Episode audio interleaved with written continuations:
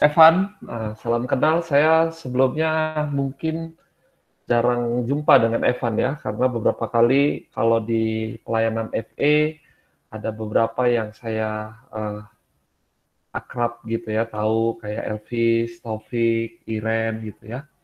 Nah, mungkin perkenalkan terlebih dahulu nama saya Dani Philip Bukits ya. Saya sekarang uh, menjadi pengajar di uh, UPH kampus Medan Nah, sebenarnya waktu disaringkan sama Elvis tentang tema sosial ini, saya sedang membuka kembali gitu ya materi-materi pembahasan ketika saya kuliah dulu dan mencoba melihat fenomena-fenomena sosial yang terjadi gitu ya. Nah, eh, tema hari ini adalah tatanan baru. Jadi kalau bahasa Inggrisnya new normal gitu ya. Jadi kalau kita biasanya new normal di tengah pandemi gitu ya. Tapi uh, kita meng men menggunakan bahasa Indonesia tatanan baru. Nah, yang menjadi pertanyaan buat kita apa yang baru? Tatanan apa yang baru? Kemudian apa arti normal? Kalau uh, kita bilangnya tatanan, kalau orang eh, WHO menyatakan normal gitu ya. Nah, yang menjadi pertanyaan buat kita normal itu menurut siapa normal gitu ya. Saya ingat waktu saya pertama kali da apa kunjungan ke rumah sakit gitu ya. Uh, saya punya atasan dulu gitu ya. Dia setiap ke rumah sakit selalu uh, ambil hand sanitizer ya. Jadi setiap kamar itu ternyata ada ya di rumah sakit untuk dia uh, gunakan cuci tangan dan lain-lain gitu ya. Lalu saya coba pikir kenapa ya harus gitu kan gitu. Lalu saya uh, belajar tentang uh, sejarah sejarah bagaimana uh, keilmuan itu terjadi. Jadi ada sebuah pandemi yang besar itu uh, flu Spanyol gitu ya. Akhirnya orang uh, membiasakan untuk mencuci tangan ketika di dalam rumah sakit karena waktu itu ada penelitian bahwa uh, uh, persoalannya masalah cuci tangan saja gitu. Nah, akhirnya setiap di rumah sakit entah kenapa selalu ada uh, hand sanitizer yang uh, saya coba pikir kenapa gitu ya. Nah di sinilah saya coba merenung ternyata kebiasaan cuci tangan itu sebenarnya sudah ada sebelum sekarang gitu ya. Jadi teman-teman, jadi sebenarnya ada norma uh, bagi saya yang nggak biasa cuci tangan itu bagi saya nggak normal gitu ya. Uh, sesuatu yang aduh lebay kali cuci tangan dan lain-lainnya. Tetapi gara-gara pandemi COVID-19 ini menjadi sebuah norma baru, gitu ya. Makanya saya uh, me mengambil sebuah diksi yaitu normal itu sebenarnya berasal dari norm. Norm itu artinya aturan dan kebiasaan yang sudah disepakati bersama. Nah, aturan-aturan itu disebabkan karena apa? Karena ada perubahan sosial. Jadi kalau teman-teman, uh, uh, kenapa norma-norma itu terjadi? Pasti itu karena ada perubahan sosial. Jadi norma itu dibentuk gitu ya. Nah, sehingga new normal ya di dalam diksi yang diambil oleh WHO itu adalah sebuah uh, norma-norma yang uh, dilakukan dalam menjaga untuk mencegah pandemi ini terjadi gitu ya. Nah, itu terjadi karena apa? Karena perubahan sosial. Jadi uh, interaksi sosialnya berubah dan lain-lainnya gitu ya. Nah, inilah yang menjadi time for a new normal. Makna kata new normal yang saya coba pikir, oh ini artinya ya, norma baru yang memang terjadi karena ada perubahan sosial. Nah, yang menjadi pertanyaan kita, apa sih perubahan sosial itu gitu ya? Nah, karena sebenarnya kita sedang mengalami perubahan-perubahan sosial, teman-teman. Nah, perubahan sosial yang terjadi itu adalah sebuah uh, kalau saya bilangnya itu terminologi dan social change. Jadi digunakan untuk mengindikasikan perubahan yang terjadi di dalam interaksi dan interrelasi. Jadi ketika ada interaksi, interrelasi, manusia, orang mengalami perubahan. Jadi eh, kalau bicara tentang perubahan, ternyata perubahan itu ya terjadi di dalam seluruh kehidupan manusia. Jadi eh, kita pun pasti akan mengalami perubahan. Social change itu berarti ya sebuah perubahan di dalam sistem dari re relasi sosial. Jadi karena ada relasi yang berubah, Nah ini ini menjadi sesuatu yang kita akan keniscayaan gitu ya, sesuatu keniscayaan kita akan berubah. Dan social change itu kadang terjadinya itu nggak perlu perencanaan teman-teman. Ya ada yang direncanakan. Saya ingat kali waktu Presiden Jokowi ingin memindahkan ibu kota, itu sebenarnya akan terjadi perubahan sosial teman-teman. Perubahan sosial di ibu kota Jakarta yang tadi diskusinya sebelum kita apa namanya masuk ke dalam materi di Jakarta itu macet sekali. Kadang sampai tadinya makan siang jadi makan malam gitu ya. Itu yang terjadi karena uh, ada sebuah perubahan-perubahan yang yang terjadi. Ketika nanti kalau misalnya ibu kota pindah pasti sosial sosial life-nya di Jakarta akan berubah gitu ya. Nah, itu itu uh, terencana ya. Tetapi ketika COVID-19 ini, ya nggak perlu dipindahin ibu kota, teman-teman. Uh, udah sepi kok di Jakarta, gara-gara orang kan uh, harus dijaga semuanya. Jadi tanpa sebuah perencanaan ternyata Jakarta bisa sepi. Jadi apakah Jakarta per, apa ibu kota perlu pindah? Nah ini menjadi pertanyaan. Memang masalahnya di mana? Ya persoalan terbesarnya adalah social change. Jadi perubahan uh, terhadap kehidupan sosial. Kemudian social change itu kalau menurut Konik itu menyatakan bahwa sebuah uh, sesuatu yang memodifikasi terjadinya pola kehidupan orang. Jadi orang bisa berubah, mengalami sebuah interaksi yang berubah dan lain-lainnya. Nah inilah gambaran tentang social change. Ini agak teoritis, tetapi ini menolong kita untuk memiliki gambaran sebenarnya perubahan sosial itu bahasa sederhananya ini menurut uh, Evelyn Wood gitu ya. Change is only evidence of life. Jadi perubahan itu adalah satu-satunya bukti bahwa ada kehidupan. Jadi ketika ada perubahan itu pasti ada kehidupan. Ini menurut sosiolog bernama Evelyn Wood gitu ya. Nah saya coba berpikir iya juga ya. Uh, sebenarnya bicara tentang perubahan-perubahan sosial nggak perlu ada pandemi. Sebenarnya kita juga mengalami perubahan sosial itu.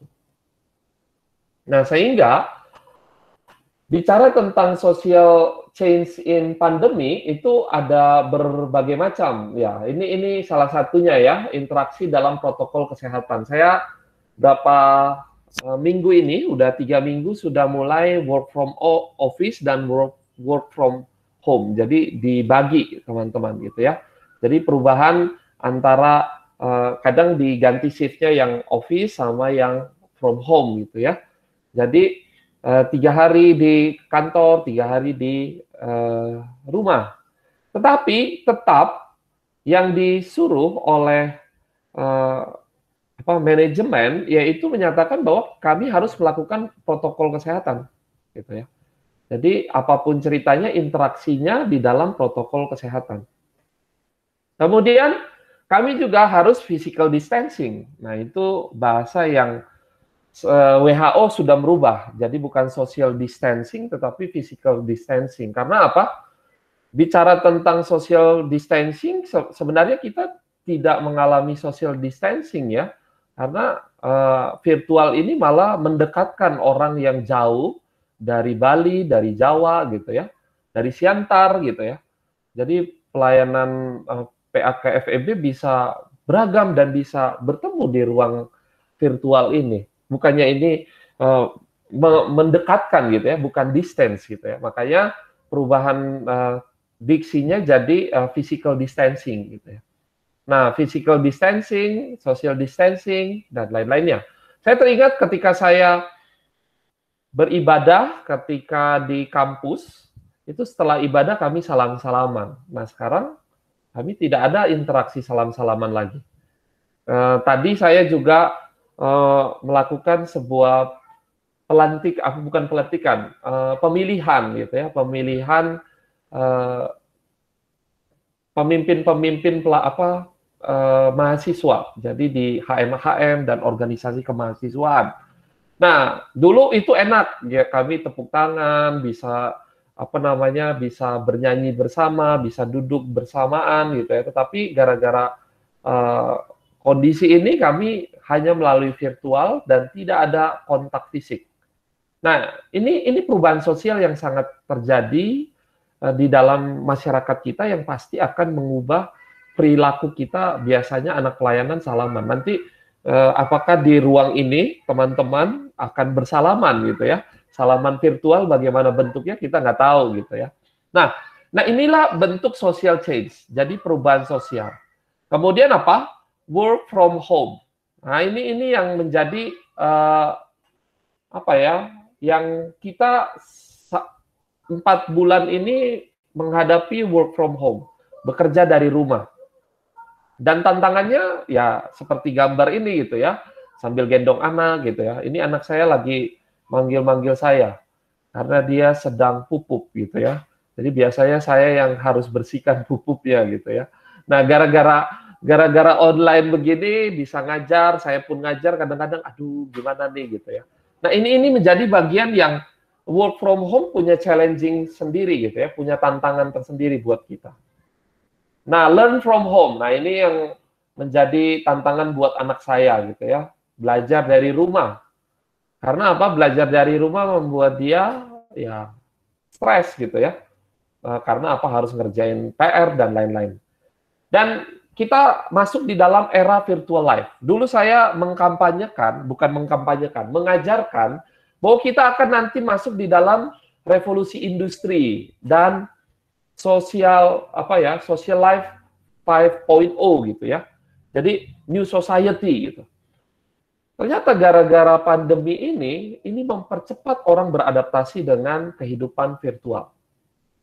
Dan akhirnya saya pun ya satu sisi eh, ketika jadi pembicara eh, jadi apa ya tertolong karena apa? Cuma stay aktifkan jadi saya nggak bakal takut terlambat yang saya takutkan hanya sinyal dan kuota gitu ya.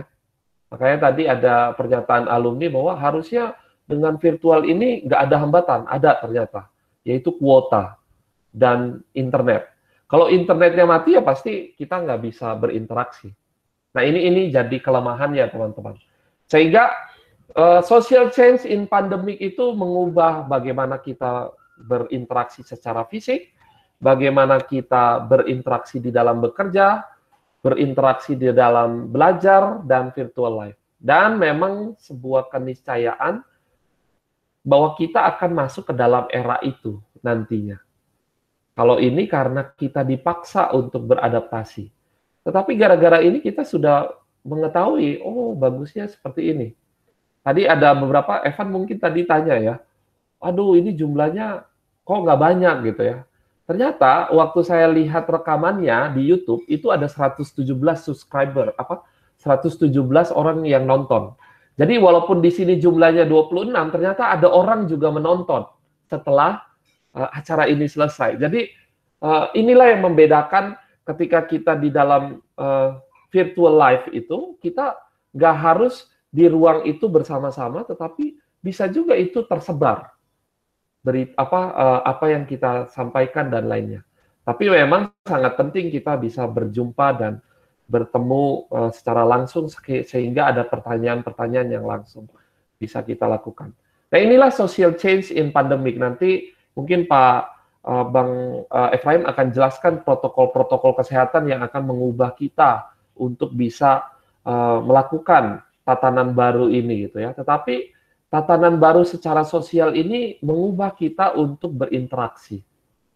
Nah, sehingga saya masuk ke dalam bagian selanjutnya bagaimana social change itu bisa terjadi. Nah, ini ini penyebab ya sedikit teoritis, yaitu pertama karena perubahan sosial yaitu ketika perubahan itu mempengaruhi kehidupan uh, manusia secara luas. Jadi manusia secara luas itu mem, berubah gitu ya. Makanya pandemi ini mengubah cara orang uh, hidup. Jadi uh, cara cara berinteraksinya, cara virtualnya dan lain-lainnya gitu ya. Perubahan sosial ketika terjadi itu mampu mempengaruhi uh, secara luas dan itu pasti uh, terjadi perubahan sosial. Makanya kalau dibilang apakah pandemi mengubah kehidupan sosial pasti karena uh, yang yang dipengaruhi bukan satu orang satu dua orang kelompok, tapi seluruh masyarakat di dunia. Kemudian perubahan bukan berasal dari satu orang, tetapi di, dirasakan oleh sekelompok masyarakat atau kelompok. Jadi itulah perubahan. Kemudian perubahan ini juga cepat berlangsung karena apa? Karena heterogo, heterogonitas gitu ya, heterogon, heterogen dari sebuah masyarakat dan masyarakat itu terbuka atau enggak. Kalau dia terbuka, maka keinginan untuk maju dan faktor perubahan sosial itu bisa terjadi dengan cepat. Makanya eh, ini yang menjadi bagian yang eh, menjadi concern. Masyarakatnya terbuka enggak untuk perubahan? Nah itu menjadi pertanyaan eh, buat kita. Apakah tatanan baru ini bisa berhasil? Pertanyaan pertamanya masyarakat kita itu punya keinginan untuk maju nggak gitu ya. Nah, faktor itu biasa disebut namanya vested interest. Jadi, faktor yang sangat menentukan adalah vested interest atau sesuatu keinginan yang tertanam tetapi dia mau berubah. Nah, ini yang menjadi bagian yang perlu kita sama-sama perhatikan. Saya uh, menggunakan kan biasa kita kalau pelayanan uh, kampus itu ibadah pengennya musiknya live ya teman-teman gitu ya. Tiba tadi uh, Evan memulai dengan musik YouTube gitu. Agak kok bingung ya. Jadi apa pemusiknya jadi dari luar gitu. Nah, sebenarnya saya sudah terbiasa itu teman-teman karena ketika saya masuk di UPH itu saya terkejut, oh begini ya ibadahnya. Ibadahnya menggunakan YouTube gitu ya. Jadi lagu-lagunya dari YouTube. Kami nggak ada pemusik buat latihan, nggak ada kesempatan. Ini sebelum pandemi, teman-teman. Jadi kami kalau ibadah tiap minggu itu karena nggak ada uh, apa ya kesempatan orang latihan karena kan kami kerja, habis itu harus uh, mem, apa ibadah. Nah ibadahnya menggunakan YouTube. Jadi pertama kali saya masuk ke UPH gitu ya, itu agak meresahkan hati saya gitu ya. Karena apa? Kok apa ya kurang kurang kurang enak gitu ya, kurang emosional, kurang dapat bahasanya di dalam pelayanan kita. Tetapi akhirnya saya setelah tiga bulan, empat bulan dan seterusnya itu jadi terbiasa, terbiasa dan ketika masa-masa pandemi ini kami buat ibadah chapel buat mahasiswa, ibadah chapel buat staff dan dosen menggunakan YouTube is ya nggak nggak menjadi sebuah persoalan masalah emosional lagi. Tetapi bagaimana sikap hati kami, tetap kami ingin memuji dan menyanyikan pujian itu untuk Tuhan. Nah ini pola beribadah pun mengalami perubahan ya teman-teman. Nah apakah kita bisa menerima, nah, nah sesuatu kepentingan yang tertanam kuat itu bisa kita rubah. Nah ini yang menjadi pertanyaan buat kita ketika kita menghadapi tatanan sosial yang baru gitu ya, tatanan the new normal yang terjadi, termasuk cuci tangan. Saya orang yang agak hemat menggunakan baju gitu ya. Jadi kadang aduh ini baju baru pakai cuma berapa jam gitu kan. Udahlah taruh aja kebiasaan anak kos gitu ya. Dulu kebiasaan uh, waktu saya bekerja sebagai staff gitu kan karena nggak ada yang nyucikan dan lain sebagainya gitu ya.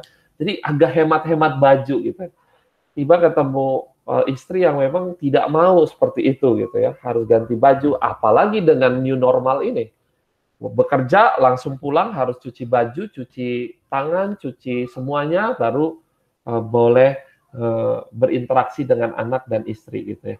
Nah, sehingga waktu saya coba berpikir di sini, vested uh, vested interested itu yang menjadi sesuatu yang sulit. Nah, inilah yang menjadi uh, bagian yang kita akan uh, lihat. Nah, saya akan masuk ke dalam uh, interdisiplinernya, yaitu terjadinya yang namanya sosial dilema. Jadi ada dilema sosial, teman. Sosial dilema itu adalah sebuah kondisi di mana kita mengalami konflik antara kepentingan pribadi di dalam jangka pendek dengan kepentingan kolektif. Dan inilah yang terjadi di masa-masa pandemi ini, teman-teman. Yaitu apa? Adanya sosial dilema yang terjadi karena apa? Karena konflik kepentingan pribadi yang jangka pendek diutamakan daripada kepentingan kolektif dalam jangka panjang. Makanya uh, saya punya adik-adik, uh, dia bagian gugus tugas. Dia bilang targetnya seharusnya bulan September bang, gitu ya. Uh, pandemi ini bisa berlalu, gitu ya. Tetapi kayaknya masyarakat antipati bang.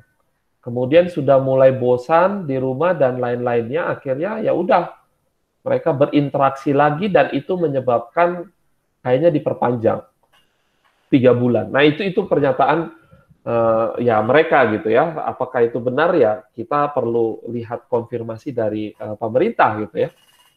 Tetapi uh, di yang menjadi persoalan yaitu sosial dilemanya. Dilemanya antara kepentingan pribadi dengan kepentingan jangka panjang.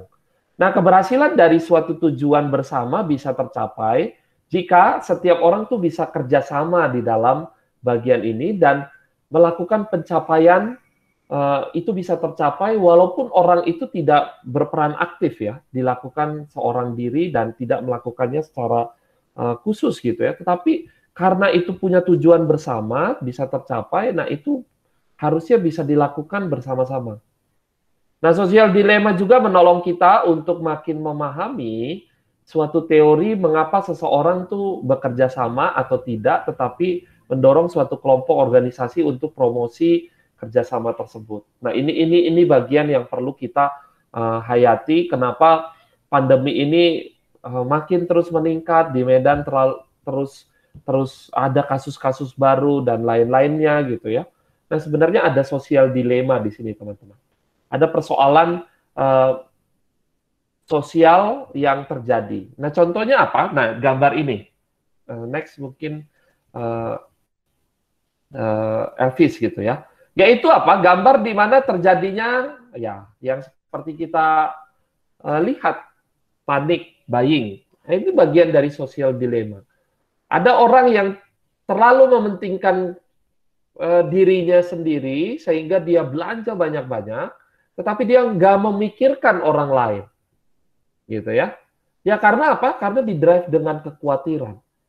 Makanya ini menjadi uh, tantangan ketika uh, kehidupan sosial ini uh, terjadi gitu ya. Kemudian di ada yang memakai masker, ada yang nggak pakai masker, ada yang disiplin dan ada yang tidak gitu ya. Nah ini ini melahirkan tatanan sosial baru ini menjadi dilematis. Kemudian ada orang yang berpergian sana sini dan lain-lainnya. Nah ini adalah sosial dilema yang terjadi yang disebabkan karena apa?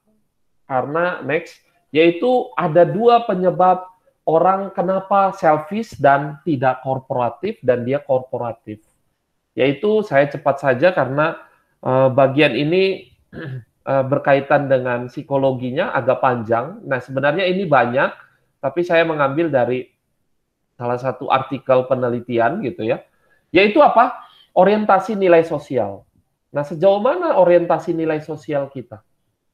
Jadi pro self dengan pro pro uh, pro sosial. Jadi orang bisa memiliki orientasi itu bukan uh, sekejap, teman-teman.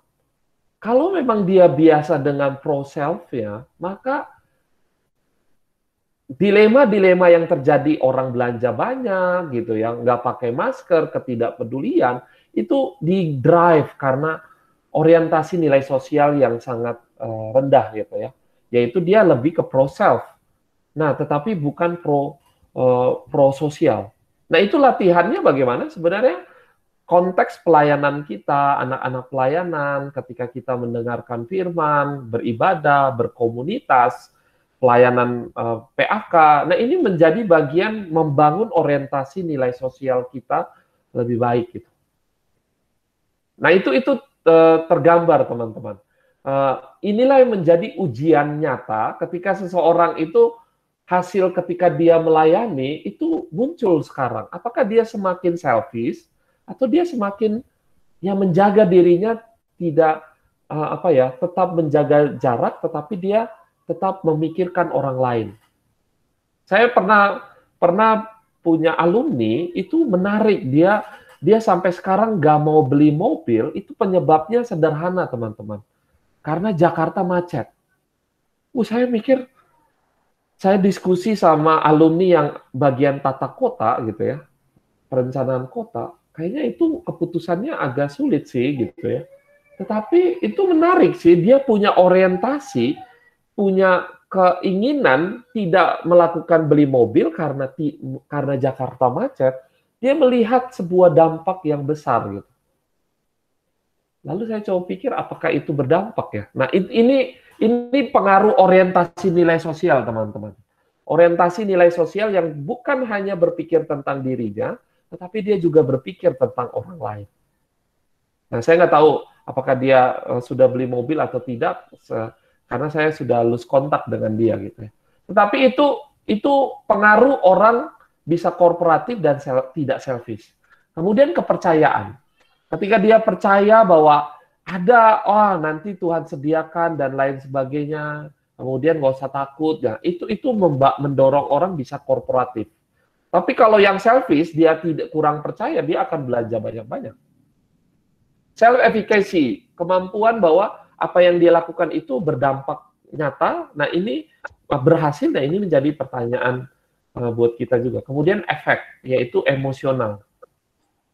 Ada juga optimis bias, yaitu apa orang terlalu optimis karena nggak pakai masker. Ah, udah yakin. Saya pernah nonton di Jawa Timur ada orang yang upload bahwa wow saya makan corona itu gitu ya. Saya cuma berpikir kenapa dia punya berpikir seperti itu. Itulah optimis bias terlalu optimis, tetapi dia tidak menyadari bahwa itu berdampak kepada banyak orang. Yang selanjutnya yaitu eksternal, jadi internal dan eksternal. Eksternalnya, nah ini yang dilakukan pemerintah, yaitu punish and reward. Nah ini sebenarnya di dalam moralitas, ini ini adalah sebuah moralitas menurut Kohlberg, itu adalah sebuah moralitas untuk anak-anak, yaitu melakukan punish dan reward. Tetapi Ketika orang menyadari dia menjadi orang dewasa secara moralitas, dia nggak memikirkan punish and reward, tetapi dia memikirkan orientasi nilai sosial. Bahwa apa yang saya lakukan ini berdampak dengan orang lain. Kemudian apa? Uncertainty. Itu penyebab bahwa uh, sosial dilema ini uh, apa apa orang menjadi selfish dan tidak korporatif ya karena uncertainty. Dan terakhir adalah noise. Noise adalah suara-suara yang bicara. Saya baru tahu uh, di dalam masa-masa pandemi ini sering muncul namanya teori konspirasi. Ternyata teori konspirasi itulah yang menjadi noise kita. Dan noise itu yang akhirnya mempengaruhi perilaku dan tindakan kita uh, di dalam uh, masa pandemi ini. Sehingga bagaimana solusinya? Nah, solusinya yang saya coba perhatikan adalah bagaimana kita balik lagi untuk mulai mencari informasi secara akurat. Waktunya tiga menit lagi, Jadi, gara-gara uh, internet. Oke. Okay. Kemudian uh, kita juga harus melewati pandemi ini, jangan lupa tetap rasional gitu ya. Tetap optimis, tapi kita juga perlu rasional. Dan kita perlu melihat bahwa kita bagian dari kelompok besar masyarakat.